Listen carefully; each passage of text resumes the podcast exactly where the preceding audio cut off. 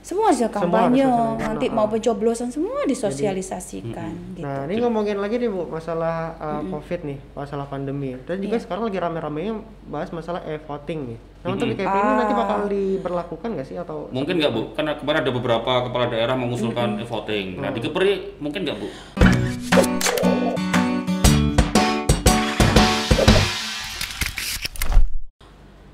Eh, pemilihan tetap seperti biasa. Oh, seperti kembali pada eh, sebenarnya ya beberapa kepala daerah mungkin di itu kan sebenarnya e-voting itu udah lama itu Iya. sudah lama. Dari dulu juga memang digaungkan bagaimana e-voting. Ya kayak kita pengen e-voting gitu loh tapi siap nggak kita ini untuk e-voting gitu ya, loh. iya.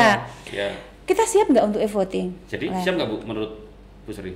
Ya sebenarnya bisa saja, tapi ya kita melihat dulu eh, masyarakat masyarakat kita bisa nggak untuk itu gitu kan? Karena ja- jangankan gitu gitu, kita datang ke TPS udah jelas kadang-kadang sudah kita undang, kita sosialisasi kadang-kadang masih ada yang berat mau datang ke TPS gitu ya. Tapi kan kalau e-voting kan paling nggak nggak harus datang ke TPS Bu. Dia di rumah Iya, aja bisa itu, Terkad kita tidak bisa dalam arti begini. Emang semua orang bisa gadget Iya. pegang ini gitu loh. Orang-orang Iya, iya, yang tua ini bagaimana gitu loh. Iya. Satu, e-voting itu kan memang butuh sinyal yang bagus. Satu. Terus orangnya orang pemilihnya ini masyarakatnya juga harus paham Teknologi eh, ya. teknologi digital. Oh, yang sudah tua-tua itu loh, bagaimana dia mau e-voting gitu. Kita harus perhatikan itu. Memang bagus, tetapi kita eh, harus sudah siap semuanya. Ya, siap semua. Siap dalam segi teknologinya, siap SDM-nya, semuanya harus sudah disiapkan. berarti Saya artinya kalau untuk di Kepri untuk saat ini belum ya Bu? untuk saat ini kita, kita tetap Pakai pakai cara lawas aja ya. Iya, kita tetap masih tapi tapi kalau menurutku sih belum. Belum Menurut ya? saya ya Bu ya. Iya, jelas karena ya. karena ya kita kan sudah ikutin bahwa kita pa- tetap menggunakan proses coblos ke TPS. gitu. Kalau negara-negara maju ya mungkin udah siap mereka kan Iya, e-voting iya. gitu kan. Iya. Negara kita mungkin baru mau Jadi Bu, itu. menurut Ibu nih, masa pandemi kayak gini kira-kira tingkat golput malah akan semakin tinggi nggak sih kira-kira nih? Tingkat partisipasi tingkat untuk partisipasi, ya. pemilihan ini kan 77,5 persen, Uh-uh. ya kan? Nah, Dengan maksudnya adanya tahun ini 70 7,5 persen. Oh. Maksudnya eh, kita Prediksinya? iya prediksi harus 77 Atau target- targetnya targetnya 77,5 persen 77, oke. gitu kan.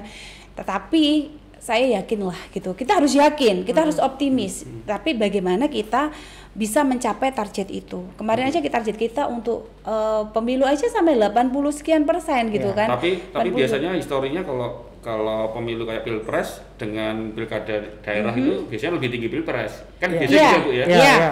Makanya bagaimana nih? Ah. Bagaimana kita di era pandemi? Karena negara-negara itu juga sekarang lagi pengen tahu, Iya. semua negara itu pengen tahu, udah bersurat ke KPU RI ya, pengen tahu bagaimana KP apa Indonesia ini bisa melaksanakan pemilihan di era pandemi. Loh, ini menjadi tantangan kita juga gitu. Negara-negara lain udah Negara-negara lain sudah bersurat pengen mengetahui Oh, oke. Indonesia sekarang saat ini melakukan eh, apa pemilihan, Pemilihan serentak, serentak. di era pandemi. Bagaimana dia bisa melaksanakan itu nanti? Loh itu kan menjadi tantangan kita. Nah kita sendiri memang harus berusaha bagaimana kita bisa mencapai target itu. Ya itu satu.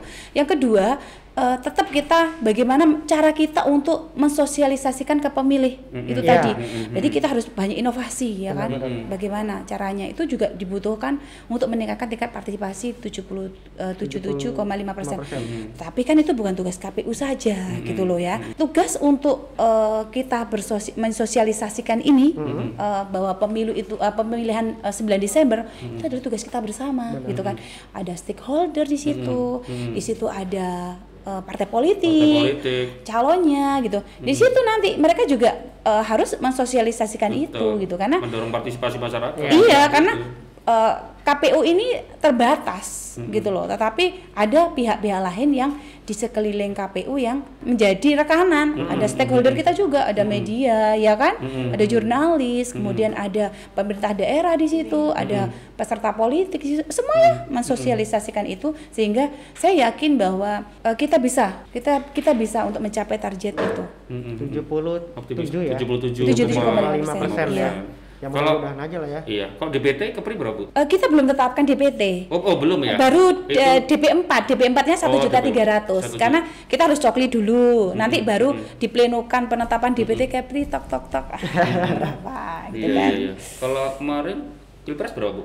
Pilpres itu eh, satu juta 200 Satu sekian lah ya. ya? Iya, sekitar itu lah saya Iya, lupa. iya, iya, iya. Pasnya berapa? 1229 atau berapa lupa saya. Hmm. 1229 sekitar sekitar itu untuk di Untuk ber- eh, berarti ini ada pemilihan gubernur, bupati, wali kota ya? Iya. Lima, lima kabupaten lima kota ya? kabupaten, satu kota. Tantangannya kalau soal tingkat partisipasi kabupaten atau kota mana atau kalau di, di mappingnya di di Kepri Ya. ini besok tahun ini Kira-kira Bu. yang Eh. paling berat misalnya tingkat partisipasinya paling rendah atau mungkin PR-nya KPU di situ harus genjot lagi paling gede di mana? Eh, saya rasa ya di daerah perkotaan. Malah kalau Malah yang di perkotaan? daerah hinterland itu, malah tingkat partisipasinya tinggi. Malah tinggi ya? Iya. Mm-mm. Karena jiwa gotong royongnya masih tinggi mungkin ya. Mungkin ya, Nah. tetapi kadang-kadang eh, tingkat kota ini yang kadang-kadang mungkin ego sektoral, Ya, ego oh. masih kadang-kadang mereka nggak peduli. ya, ya, hal-hal yang seperti ya itu ya. makanya itu yang harus kita dorong bagaimana masyarakat ini mau gitu loh ayo ayo ayo kita gunakan hak pilih kita kapan lagi kita itu menggunakan hak pilih kita lima tahun sekali loh ini kesempatan gitu kan kalau masalah siapa yang terpilih itu masalah belakang tapi kita sudah berusaha menggunakan hak pilih kita untuk me- untuk datang ke TPS ya. dan menentukan pilihan kita itu yang penting Sejauh ini dari persiapan eh, panitia itu ada PR atau perusahaan apa bu yang mungkin akan jadi concern ya dalam waktu dekat ini atau Ya memang sih gini, eh, kegiatan untuk BIMTEK BIMTEK, ya kan BIMTEK itu kan bimbingan teknis, Teknologi. ya kan bimbingan teknis yang semula misalnya tatap muka, ya kan. Oh. Kadang-kadang yang tatap muka aja kita dijelasin di depan gini aja kadang belum Enggak, paham iya, gitu kan. paham. Kita bayangkan sekarang harus via Zoom Virtual. online virtual. Mm-mm. Itu kan menjadi kendala. Jujur aja menjadi kendala. Oh. Menjadi kendala itu yang satu. Makanya kami pun berusaha juga sebisa mungkin yang masih bisa melakukan pertemuan tatap muka tetap kita lakukan tatap muka tapi ya itu tadi jumlahnya dikurangi misalkan kalau satu kabupaten kota itu hanya satu orang yang di biasanya dua orang tiga orang yang diundang sekarang cuma satu Mm-mm. ya kan satu orang. Kemudian untuk nanti bimtek ke apa namanya eh, PPK apa PPS KPPS ya mungkin dibagi klasternya. Misalkan per kecamatan ya kan dibagi lagi per eh, kelurahan bagaimana dibagi-bagi lagi lah di klaster-klaster seperti itulah. Dalam arti protokol kesehatan tetap diikutin. Nah kemarin aja pelantikan PPS kan sudah berjalan tuh. Iya. yaitu dibagi masing-masing kecamatan dan seperti Oh, itu. karena nggak bisa jadi harus satu menggunakan masker, harus cuci tangan dulu, harus dicek dulu temperaturnya. Banyak. Tapi alhamdulillah, rempong ya iya, tapi alhamdulillah lancar gitu Iya, kan. iya, iya. Alhamdulillah lancar. tapi ya ya protokol kesehatan jadi memang Iya. harus itu Nomor nggak ada satu. pilihan Nomor itu satu. nomor, Iya, satu. nomor satu. itu tantangan KPU Tantangan. tahun ini ya mengawal mengawal pilkada ini harus sukses dengan Pemilih pemilihan su- pemilihan eh, 9 Desember sukses, Mm-mm. tetapi masyarakat juga sehat. Jadi Ya, itu. kesehatan, keselamatan itu tetap dijaga. Iya. Benar-benar. Itu nomor satu lah. Iya, gitu kan. soalnya kan ada ada yang bilang ketika new normal, kelonggaran apa di kelonggaran sudah dijalankan, kasus-kasus positif naik. Mhm. Ada ada yang bilang juga nanti ini pilkada jalan, gara-gara pilkada kasus-kasus positif juga tambah naik. Iya. Itu gimana bu? Tan- Itu apa KPU yang menjawab itu. Masyarakat Sebenarnya itu kan kembali kepada concern masyarakat akan kepe- pentingnya kita itu menjaga kesehatan ya saya Hmm. rasa. Sebenarnya bukan bukan karena nanti pemilihan Iya, 9 gara-gara Desember itu jadi banyak naik kasus. gitu tidak. Tapi kan fokusnya itu kepada bagaimana masyarakat ini eh, berusaha untuk eh, apa menjaga kesehatan masing-masing gitu loh ya. hmm, Karena jangan tidak ada pilkada pun karena eh, virus ini adalah virus yang berbahaya misalkan. Ya kita harus berusaha bagaimana kita menjaga diri kita. Mm-mm. Gimana kita mau menjaga orang lain sedang diri kita aja nggak kita jaga. kan Betul, seperti betul, itu. betul. Saya rasa bukan bukan hanya masalah eh, pemilihan, tetapi bagaimana kita semua gitu kan, masyarakat bersama-sama untuk mawas diri, menjaga kesehatan masing-masing gitu kan, agar penyebaran virus ini tidak semakin bertambah. Saya Iya, rasa iya, seperti iya, itu. iya. Oh, Oke, Oke. tanggal 9 Desember, 9 kita Desember. harus ke TPS. 2020, iya. 2020 ya tahun ini ya. 2020. Iya. Semoga semoga nggak mundur. Semoga Tahun ini. sukses Semoga ya, sukses semoga sukses. Eh, tetap mereka semua sehat, Sehat. dan selamat, keselamatan. Amin. Jadi. Oke. Kita dukung bu, kita support. Kita support Amin. terus Kita gitu ya. Pilkada tahun ini harus sukses.